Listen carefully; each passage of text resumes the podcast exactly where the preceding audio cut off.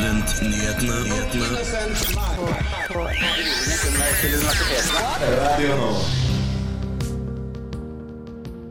Hei og velkommen til Studentnyhetene på denne flotte fredagsmorgenen. Mitt navn er Selma Bull, og det er jeg som skal lede dere gjennom den neste timen her på Radio Nova. Jeg skal ikke gjøre det alene. Jeg har nemlig med meg Hedda. Hallo. Og jeg har med meg Johanne. Hei, hei. Vi har jo et ganske tettpakket eh, program til dere i dag. Eh, hele uken har Norske Samers Riksforbund og Natur og Ungdom demonstrert foran flere departementer. Eh, vi er på demonstrasjonen som foregår akkurat nå foran Slottet. Vi har også snakket med artist og aktivist Ella Marie Hetta Isaksen om demonstrasjonene. Eh, Tirsdag samla flere seg foran Stortinget for helsebrødre. Vi var også der og snakka med demonstranter og politikere. Eh, Morgenbladet har siden 2017 kartlagt metoo-varsler på Universitetet i Oslo, og vi skal gå igjennom de eh, viktigste funnene. Vi må innom det aller helligste temaet blant studenter. Det er jo studiestøtte. Studiestøtte. Har du ikke hørt det? Det aller helligste temaet blant studenter. Studentnyhetene hver fredag fra 11 til 12 på Radio Nova. Denne uken har demonstranter fra Norske Samers Riksforbund og Natur og Ungdom eh, aksjonert ved å blokkere inngangene til flere departementer. Eh, startet med Olje- og energidepartementet eh, pga. det NSR sine nettsider sier er statens passive håndtering av menneskerettighetsbrudd. Staten selv er skyldig, og videre den totale neglisjeringen av urfolk. Eh, Det hele stammer fra eh, vindkraftfelt på Fosen, hvor det også drives med reindrift. Og dette er jo en sak som egentlig stammer tilbake fra 2006, eh, og hvor Statkraft Development meldte sin interesse for utbygging. Eh, Og i 2010 godtok Norges vassdrags- og energidirektorat eh, denne søknaden, hvor de da fikk konsesjon og ekspropriasjonstillatelse. Så har saken utviklet seg, og det hele har på en måte kulminert i en høyesterettsdom eh, som sier at dette er menneskerettighetsbrudd av urbefolkningens, eh, altså samenes, rettigheter. Eh, det har gått 500, over 500 dager siden denne høyesterettsdommen, og man vet fremdeles ikke helt hva som skjer. Eh, så derfor har flere aktivister eh, nå tatt til gatene og demonstrerer. Akkurat nå så er det markering foran Slottet, og der har vi med oss Ada Helen. Hallo. Hei! Eh, vi står nå utafor eh, Stortinget, eh, og det er taler fremdeles. Jeg tror de er litt på overtid. Nå står Audun Lysbakken på talerscenen og snakker. Og det er utrolig mange som er her. Hele plassen er fylt opp. Masse samiske flagg. Har aldri sett så mange ha samiske flagg. Jeg har hørt at det har blitt utsolgt i flere flaggbutikker. Og det er mange med samiske kofter her på Vranga som eh, demonstrerer og hører på alle talerne. Det har vært kjempemange taler, både fra yngre og eldre. Både yngre og eldre samer som står her. Og det er eh, satt opp én lavvo her på sida som jeg står. Eh, På andre sida er det satt opp en sånn bålpanne. Det lukter skikkelig bål der. Og Natur og Ungdom sitter der og ved bålet og passer på. Det er store bannere her. De krever at vindturbinene skal rives ned og la reindriften få eh, komme opp igjen. Og eh, nå ser det ut som talene snart er ferdig. Det klappes høyt her, veives masse med flagg. Eh, de har eh, satt eh, eh, samisk eh, eh, hodepynt da, på en av statuene borte ved Stortinget her. Så det er eh, veldig stort engasjement av både samiske og norske ungdommer, men også mange eldre som er her. da. Så det er veldig stort engasjement her. Men eh, du nevnte at de har vrengt koftene sine. Hva slags betydning eh, har det? Ja, det betyr at eh, de eh, demonstrerer. Det er det det betyr. at Når kofta er på vranga, så betyr det at det er en demonstrasjon. At de er uenige i ja, nå, I dette, for, dette tilfellet så er det da at vindturbinene på Fosens fremdeles står. Og de har stått nå i over 500 dager, og nå krever de at de skal rives ned. På Oppe ved Slottet så sitter det en stilleaksjon, og der har de et svært svært eh, banner der det står 508 dager med menneskerettighetsbrudd. Så her teller de dager og ja. Nå har jo eh, flere representanter fra de som driver med reindrift vært på frokostmøte med Jonas Gahr Støre i dag. Er det noe som blir nevnt i disse talene? Eh, Det er ikke mye som fokuseres på eh, akkurat denne beklagelsen. Det er jo Eh, mange mener jo at den kommer altfor sent, eh, og den burde vært kommet mye tidligere. Eh, så nå krever de egentlig at det skal skje noe. Og det er det, det talerne også fokuserer på, at eh, nå må menneskerettighetsbruddet sluttes. Det må komme til ende. Er det noen som nevner noe på en måte eh, løsning på konflikten? Hva er det de ønsker annet enn at de skal rives? De fleste ønsker at det rett og slett skal skje ganske raskt. da. At det ikke skal ta så lang tid. Men det har også vært noen som er litt mer pessimistiske, tenker at det kan ta opptil et år før, før det skjer noe. da. Fordi Stortinget må jo, eh, og regjeringen må jo finne forskjellige løsninger på dette. da. Hva, hva vil du si aldersspennet er der av de som er der nå? Er det flest eh, unge, eller er det voksne også? Eh, Oppe ved Slottet så er det veldig mange unge. Eh, De sitter og har en stille demonstrasjon. Der var eh, Ella Marie Hetta Isaksen og satt der oppe tidligere.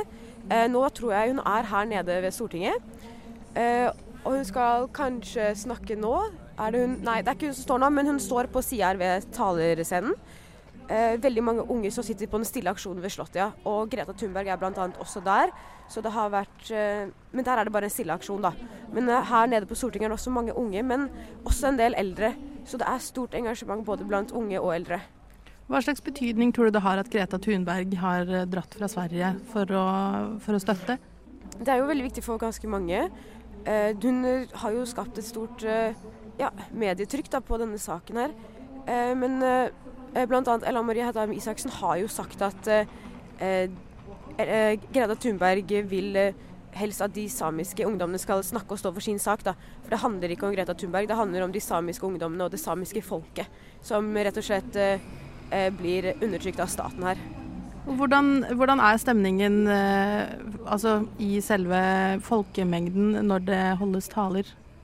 Det er kjempegod stemning. Det klappes og det jubles. Og det er eh, stort engasjement. Vi har ikke hørt noe eh, sang eller noe slikt ennå, men det kommer muligens etter, eh, etter talene, da. Så snart eh, Jeg tror snart skal være ferdig. Litt på overtid nå.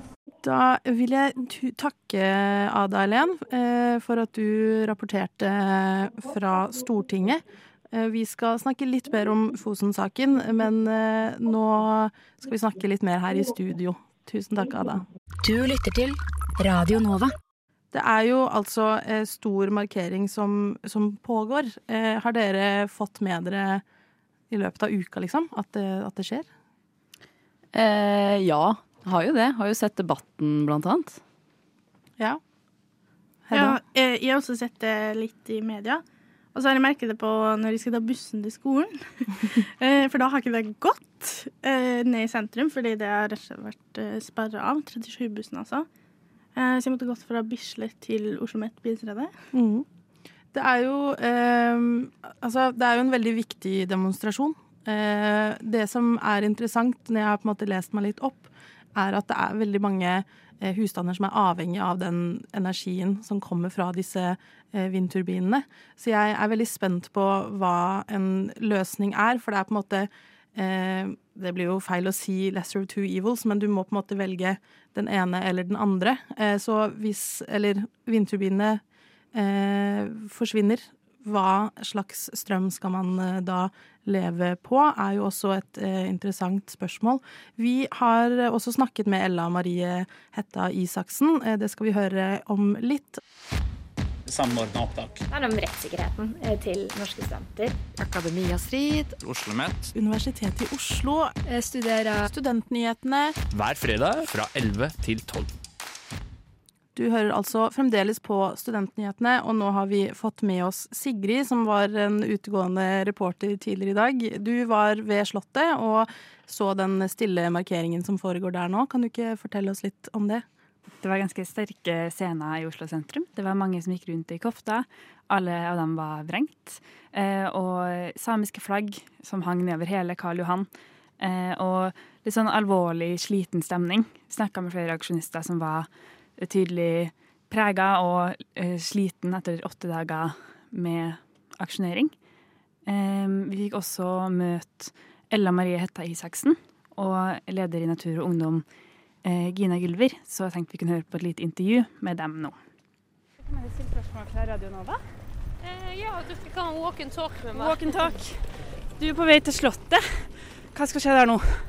Eh, I dag så skal eh, vi avslutte aksjonene våre eh, på åttende dag med en stille markering foran Slottet. For hver fredag så møtes jo det øverste beslutningsorganet i staten hos kongen under Kongen i statsråd.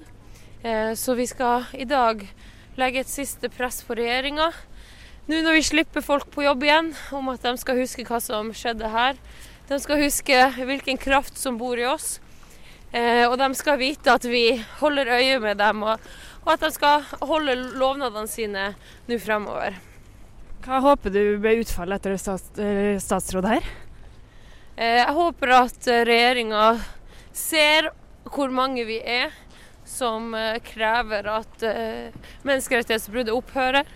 Og jeg håper at eh, de så fort som mulig setter i gang tiltak som gjør at reindrifta endelig skal få den rettferdigheten de fortjener. Dere har jo demonstrert en uke nå. Hva er det sterkeste du har opplevd? Ja, Det er uten tvil det samholdet som har blitt skapt mellom ikke bare aksjonistene, men, men eh, alle som har støtta demonstrasjonene fra hele verden, egentlig. Som har eh, sluppet alt de har i hendene, satt livene sine på vent for at det her menneskerettighetsbruddet skal opphøre så fort som mulig. Det er ja, enormt rørende å se hva som bor i folk når vi først eh, samler oss. Eh, hvordan føles det nå å skulle gå tilbake til hverdagen da? og, til, og være ferdig med demonstrasjonene? Eh, jeg tror mange av oss vil eh, føle på et lite tomrom, og det syns jeg skal være greit. Vi har jo jeg håper å si, levd sammen og eh, bokstavelig talt bodd sammen eh, på Olje- og energidepartementet før vi ble båret ut. Eh, så det vil være et tomrom. Eh, og jeg tror det blir viktig å, å, ta vare på hverandre i den tida som kommer. Gina, du er også leder av Natur og Ungdom. Hva syns du om den innsatsen som organisasjonen din har gjort til nå? Den er jeg ufattelig stolt av.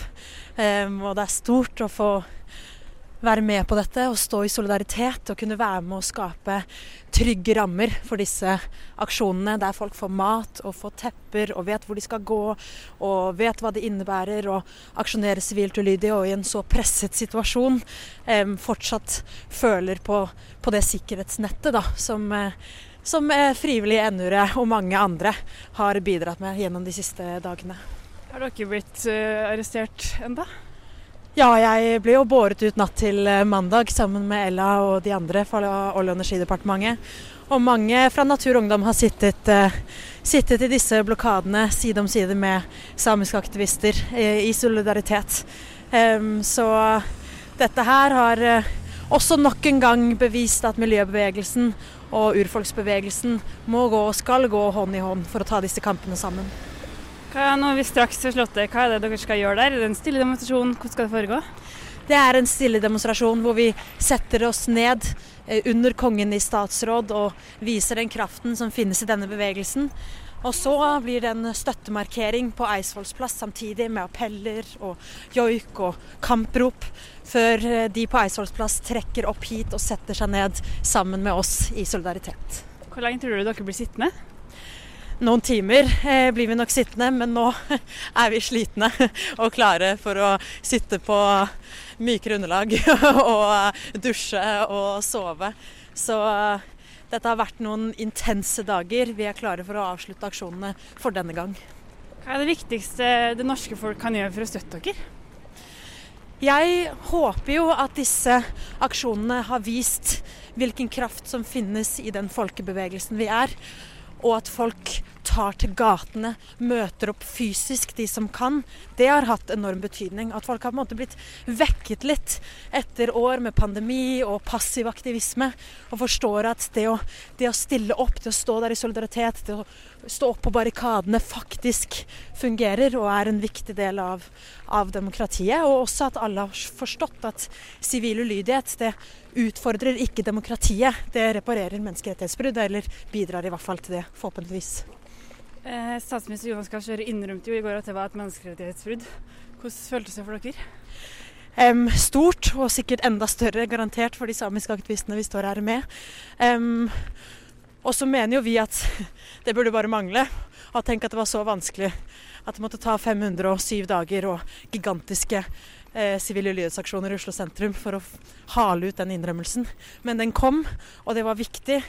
Og da starter det videre arbeidet med å reparere det menneskerettighetsbruddet nå. Masse lykke til med den aller siste demonstrasjonen. Tusen takk. Hvordan var stemningen der, Sigrid? Oppe ved Slottet så var det jo eh, litt eh, mer sånn lavmælt stemning. Eh, vi var en tur innom Stortinget også. Der var det jo jubelbrøl og Eller kampbrøl, da, kanskje. Og appeller. Så det var vel to ganske motsatte demonstrasjoner som foregikk på hver sin side av Karl Johan. Ja, det var jo der Ada Helen var når vi snakket med henne tidligere. Og da hørte vi jo på stemningen bak deg at det var mye, som du sier, applaus og, og klapping. Men foran Slottet så sitter de altså helt stille. Hvor mange var det cirka? Eh, når jeg var der, så kanskje det var sånn 60 stykker. Masse presse. Eh, så sitter de der, får tildelt tepper, sitter på reinskinn. Eh, jeg snakka med noen som er med i sentralstyret i Natur og Ungdom, som satt og knaska for reinsdyrkjøtt eh, og passa på hverandre, da. Greta Thunberg sitter her også blant dem, eh, så det får jo også mye medieoppmerksomhet. Mm. Eh, men eh, det er jo noen av de viktigste å snakke med, er også dem, den samiske ungdommen. Og jeg møtte ei som heter um, Erle, like utafor Slottet. Hva er ditt navn? Erle Bårdstad Sæter.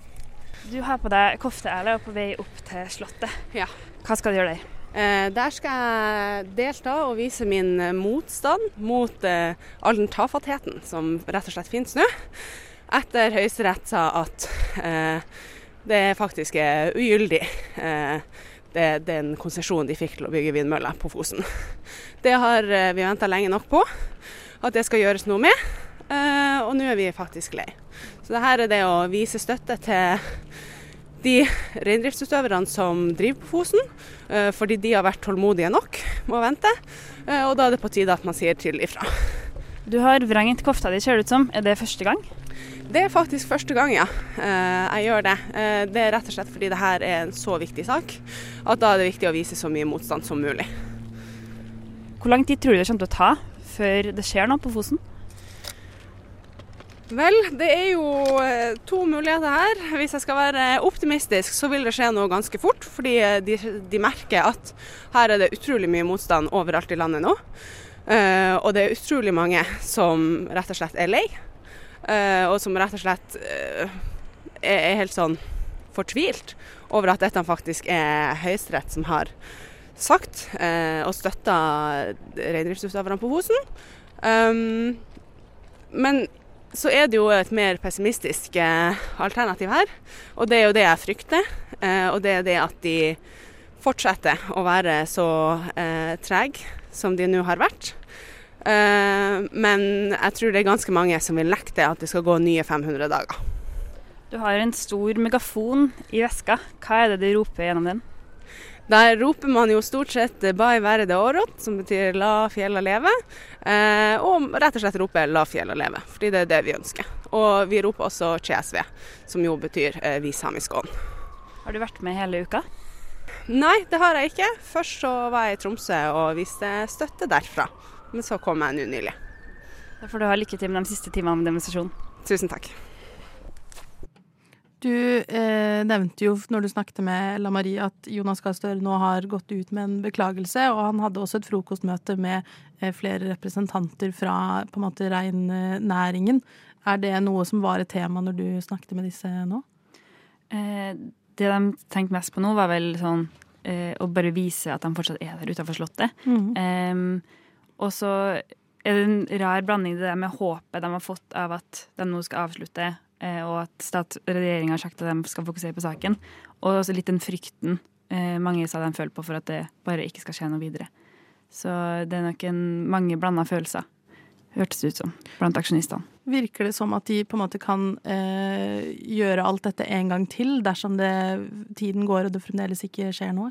Det var mye kampånd igjen, så eh, jeg var jo mest i den stille delen ved Slottet. Men eh, når man tok en liten tur ned til Stortinget, eh, så hører du på volumet fra aksjonistene og alle som har møtt opp der, og talerne, at her er det mer igjen å gi. Så det virka som på dem jeg snakka med, at det blir nok mer aksjonering ved behov.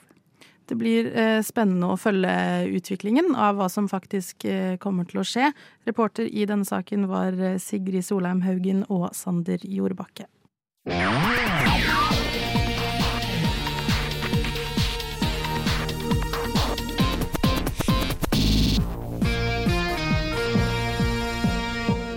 Trening er mer effektivt enn medisiner mot psykisk sykdom, melder forskning.no.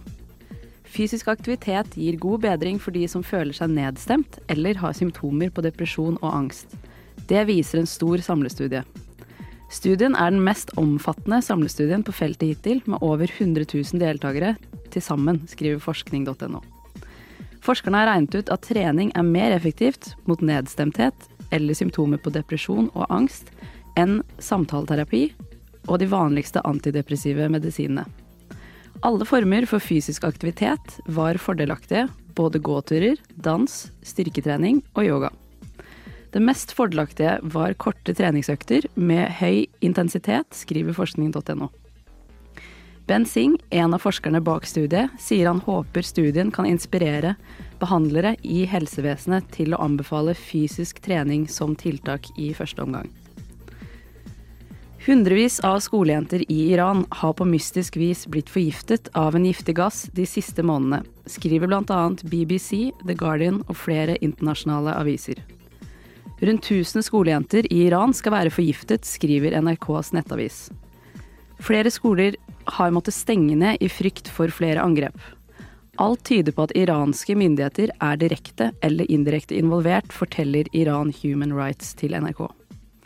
Foreldre er nå redde for å sende jentene sine på skolen. Den giftige gassen har ifølge BBC sivet inn i klasserommene. Barna har fortalt at det begynte å lukte klor og sterke vaskemidler før de plutselig ble dårlige. Mange har blitt innlagt på sykehuset med pusteproblemer, kvalme, og noen har mistet følelsen i kroppen. Mahamud Amir Mukadam, leder for Iran Human Rights, kaller angrepet for et organisert terrorangrep og mener det kan være et ledd i å spre frykt, men også en måte å ta hevn etter demonstrasjonene som har foregått siden i fjor høst. Det er et kjemisk krigføring mot jenter som har krevd grunnleggende rettigheter. De vil bare velge hva de skal ha på seg, sier han til NRK. Studenter reiser på utvekslingen, melder Krono. Antall norske studenter som reiser på utveksling i utlandet, er tilbake på nivået før pandemien, viser tall fra 2020. I fjor reiste 7178 studenter på utvekslingsopphold i utlandet, de fleste til europeiske land. Dermed er antallet som reiser på utveksling tilbake på nivået før pandemien, etter å ha vært nede i kun 2810 studenter i 2021.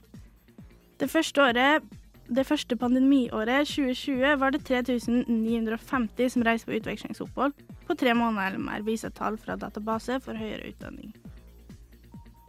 Torsdag 2. mars inviterte forsknings- og høyere utdanningsminister Ola Borten Moe til sektormøte etter nedslående studenter, skriver Krono. Hell deltok studentorganisasjoner og andre aktører som NOKUT, Lånekassen, Samskipnaden og HK-DIR til et møte om studentvelferd, økonomi og studiekvalitet. Målet var å ha en god diskusjon om hva det viktigste å jobbe med fremover er, og hvordan vi sammen kan løse utfordringene. Det var ukens nyhetsoppdatering. Den fikk du av Hedda Dyrnes og Johanne Nymoen.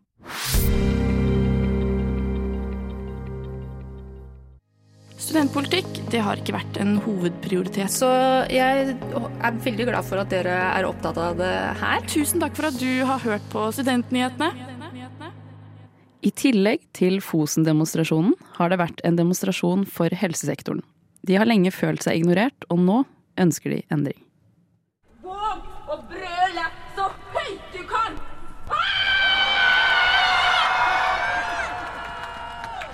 Helseminister Ingvild Skjærkols sykehustale varsler dystre tider, og sykehusene må stramme inn på økonomien da prisene stiger.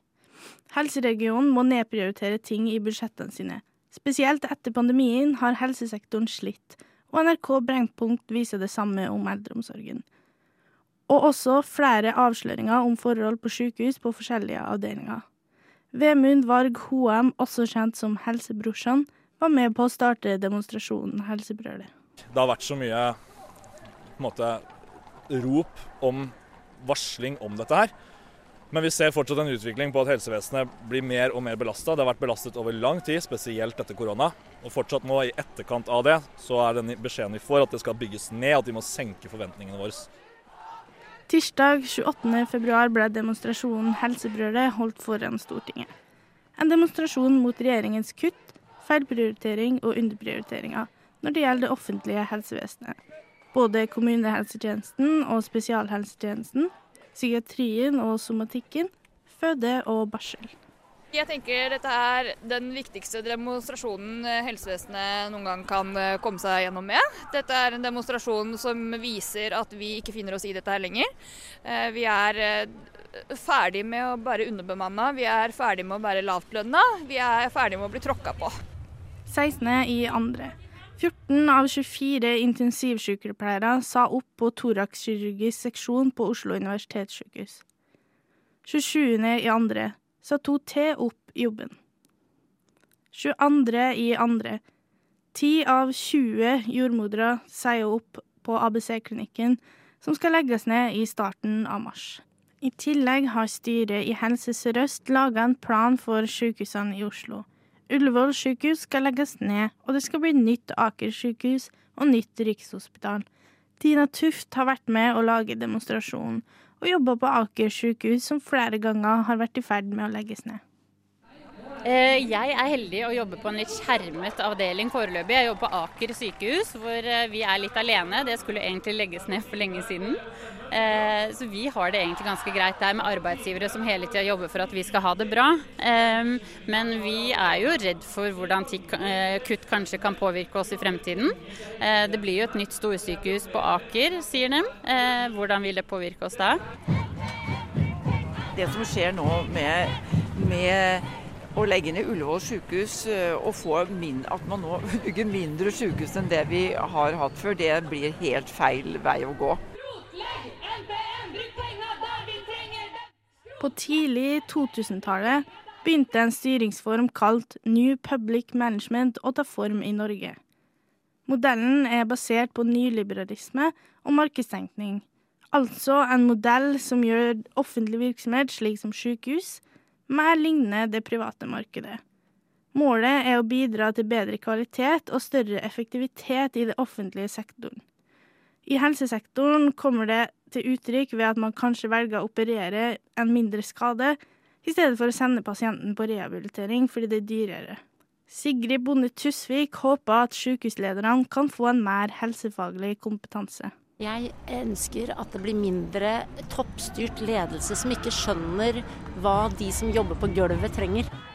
Effektiviseringen gjennom New Public Management lar ikke sykepleiere gi den omsorgen de skulle ønske de kunne gi pasientene sine.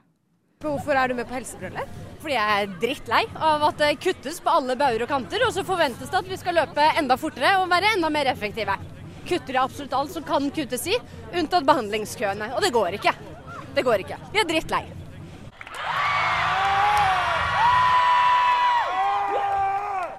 Hele innslaget kan høres på podkast. Reporterne var Hedda Dyrnes og Ada Helen Ingebretsen.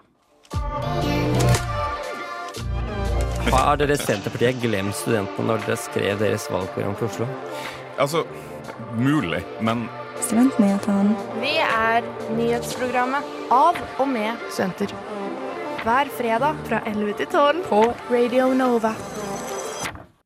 Du hører altså fremdeles på studentnyhetene her på Radio Nova. Eh, vi har snakket om demonstrasjoner. Eh, nå skal vi snakke om noe litt annet, nemlig metoo på UiO.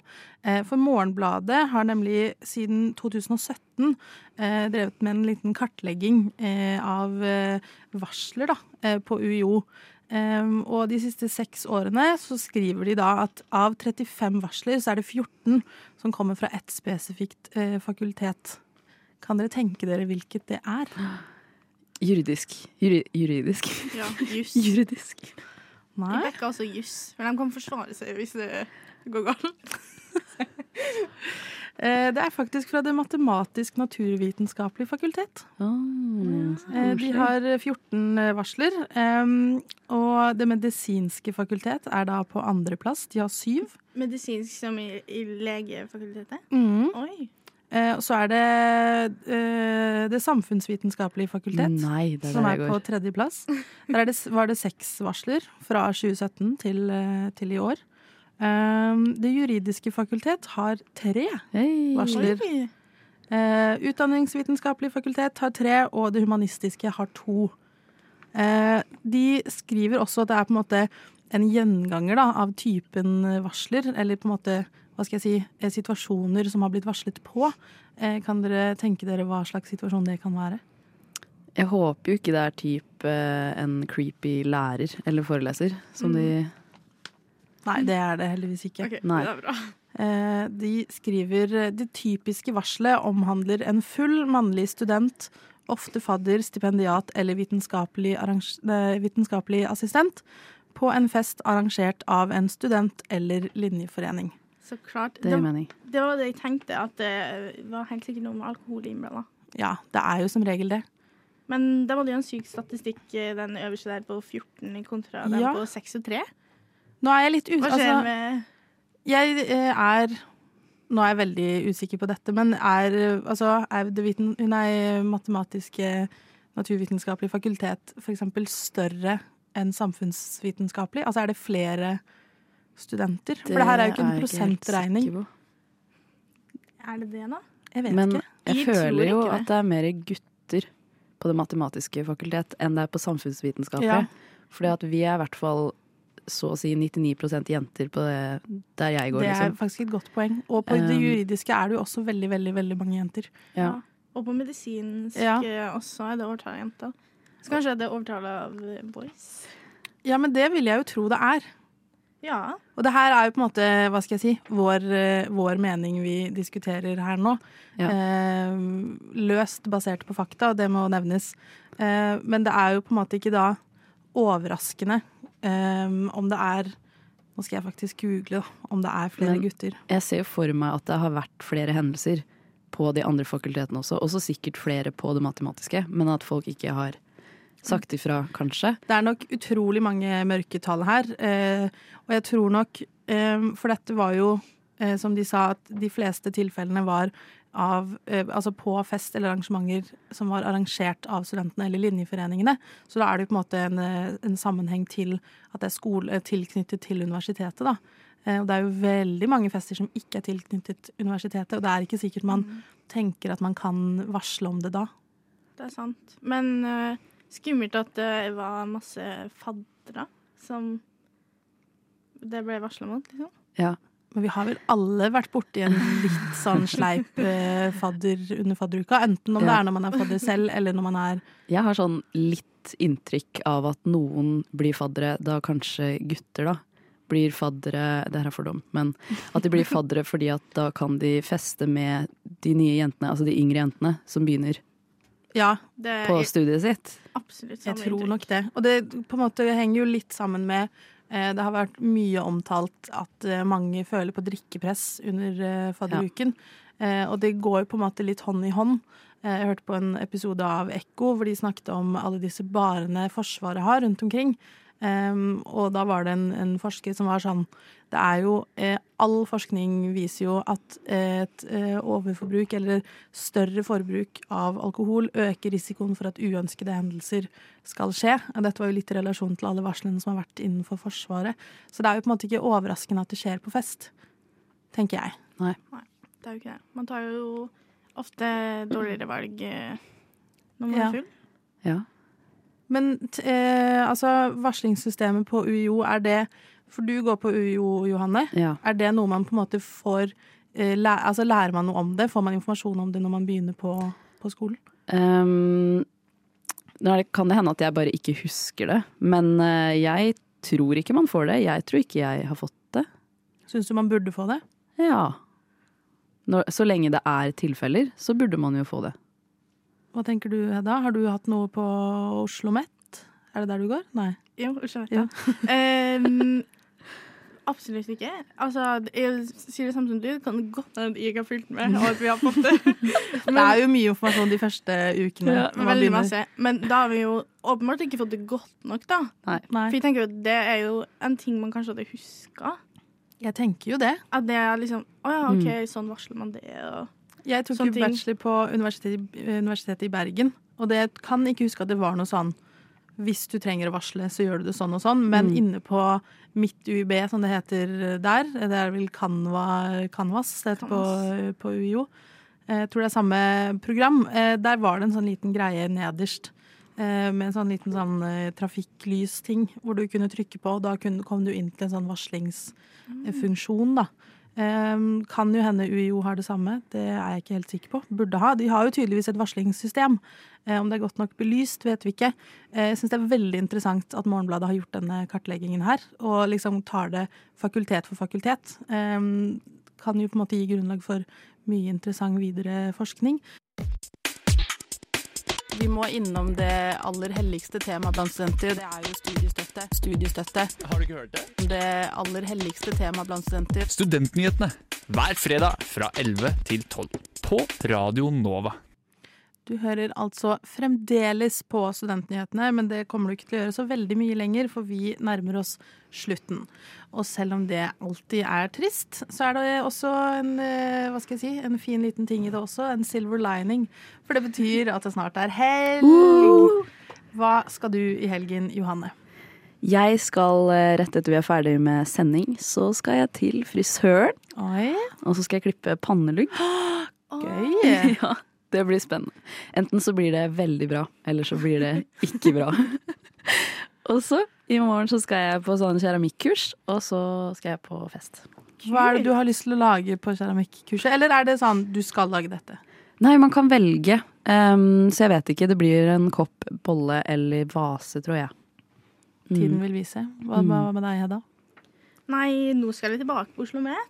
Mm, på skolen. Eh, og så Jeg tror jeg skal være barnevakt i kveld. For hvem For da? hvem sine barn? Ikke mine barn. Heter det barnevakt hvis det er dine barn? Nei. uh, ja, uh, og så skal jeg sikkert en tur på byen nå. Ja, blir fort det. Blir fort det. Jeg skal, trommevirvel, på jobb. Hey, passe på osten. Passe litt Passe på osten. Ja. Eh, Det blir sikkert eh, hyggelig, det. Jeg syns faktisk eh, lørdagskundene er bedre enn alle andre kunder, for da har alle litt bedre tid. Eh, Så det er ikke så mye kjiphet da. Men spørsmål. Ja. Yndlingsost? Oi. Oi. Det, er, det varierer. Akkurat nå er det en som heter Epoas. Oi, er det blåmuggost? Nei, det er en rødskittost. Oi, det hørtes rart Det hørtes rart, høres rart ut, men det betyr egentlig bare at osten vaskes med forskjellige ting eh, under lagringen. Oh. Så den får en sånn veldig rød farge og litt sånn sticky på utsiden. Det er ofte de som lukter verst.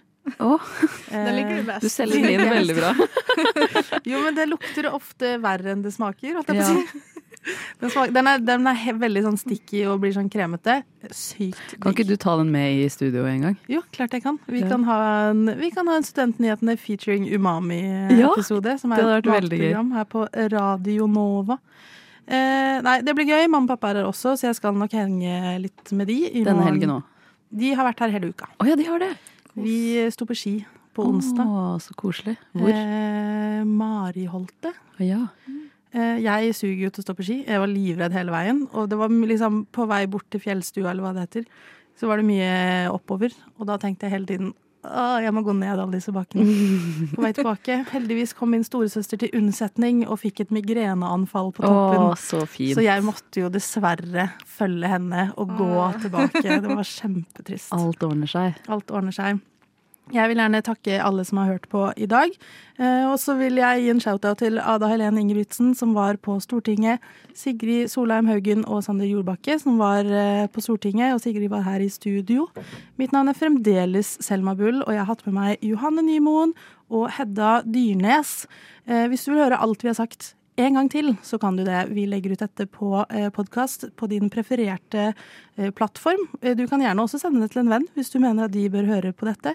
Hvis du sitter inne med en sak du syns vi bør dekke, så kan du sende oss en e-post til eh, studentnyhetene at radionova.no, eller slide inn i DM-en vår. Vi er også på Instagram og Facebook. Der heter vi også Studentnyhetene. Yes. Woho! Eh, god helg, alle sammen. Alle gjerne trenger mer podkast. Du har hørt på Studentnyhetene i dag? Jeg hoppa litt i taket. Jeg var veldig overraska. Jeg hadde ikke forventa å ende opp uh, her, egentlig. Å, hyggelig. Jeg følger bare med å sette høye krav og kjempe for dem, da. Uh, og si at det her er ikke godt nok. Eh, men tusen takk for at du har hørt på Studentnyhetene i dag. Jeg hadde ikke gjort det. Jeg Gjort det. Gjort det.